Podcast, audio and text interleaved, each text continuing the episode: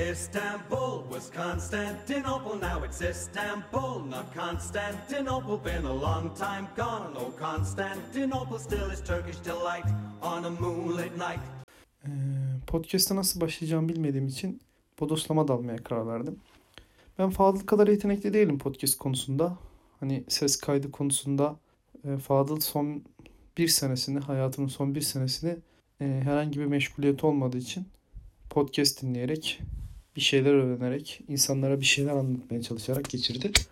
Lakin ben daha çok hayatımın son bir senesini başka insanlar para kazansın diye çalışarak geçirdim.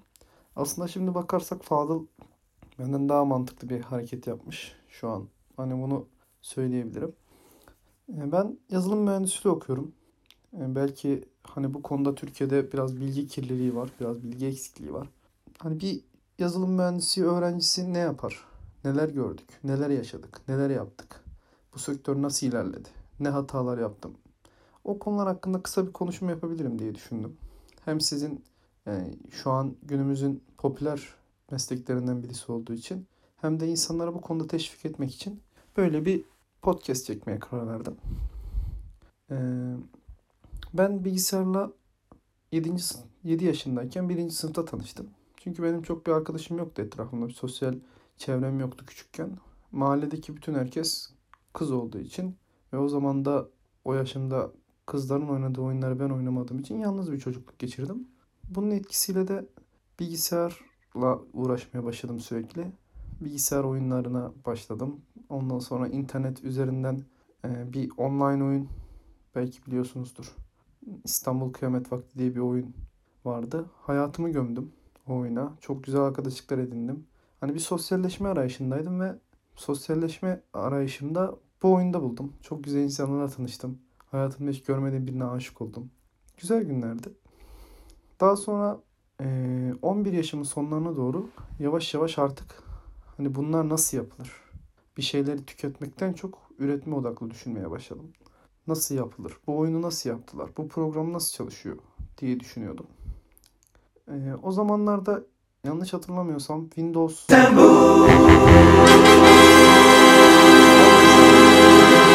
uygulaması tasarlamıştım.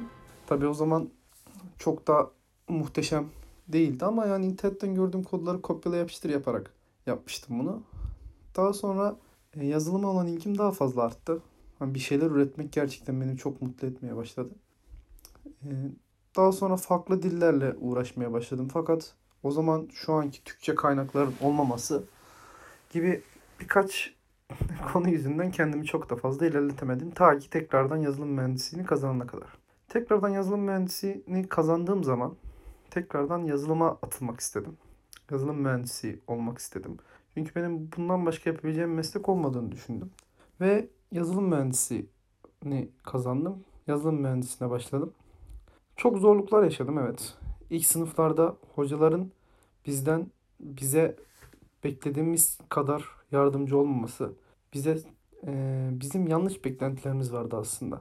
Üniversite hocaları bize bir şeyler öğretmekten ziyade bize bir şeylerin yolunu göstermek, öğretmeyi öğretmek için var olduğunu ben 3. sınıfa geldiğimde anladım. İlk senem gerçekten çok meşakkatli geçti. Sınıfımın diğer arkadaşlarıma göre daha başarılıydım ama hala istediğim seviyeye ulaşamamıştım. Ondan sonra baktım bu iş böyle olacak gibi değil. Ben dedim bilmiyorum ki ama neyi bilmiyorum. Daha sonra neyi bilmediğimi fark ettim. Ben öğrenmeyi bilmiyordum. Önce öğrenmeyi öğrenmem gerekiyordu. Daha sonra bu konu hakkında uzun uzun araştırmalar yaptım. Sürekli güncelleşen teknolojiler, bunlara nasıl ayak uyduracaktım? Ee, bir programlama dilinin eskimesi, bir anda eskimesi, bir anda başka bir programlama dilinin patlaması ya da bir programlama dilini nasıl öğreneceğim konusunda bir fikir sahibi değildim. Çok uzun araştırmalar yaptım. Programlama dillerinin 5 temeli vardır aslında basit programlama dillerinin. Ee, bunları öğrendim. Daha sonra korkum şeydi. Yani bu kadar fazla programlama dili varken ben neyi öğreneceğim de.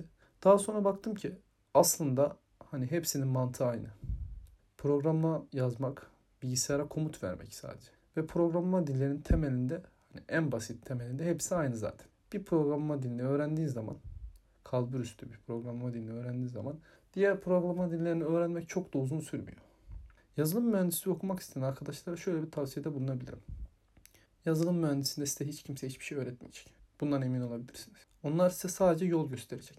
Yani bazı hocalarımız yol bile göstermedi. Ama olsun. Eğer yazılım mühendisliği okumak istiyorsanız yazılım bir sabır işidir. Yazılım gerçekten herkesin yapabileceği bir iş değil. Sabır işidir. Ha bana sorarsanız yazılım bir zeka işi değildir. Yani yazılım mühendisi olmak ben çok zeki değilim. Ben matematik fizik bilmiyorum. O yüzden yazılım mühendisi olamam gibi bir kaygınız olmasın. Matematik her alanda yani yazılım mühendisliği dahil her alanda işinizi görecek bir şey. Ama matematik bilgisi olmadan ben program yazamam, programa dilleri yapamam diye bir şey yok arkadaşlar. Ee, daha sonra kendime bir alan seçme konusunda zorluk yaşamıştım. Yine bu konuda yani kafanızda şunu seçmeniz lazım. Ben ne iş yapmak istiyorum yazılım mühendisliği olup.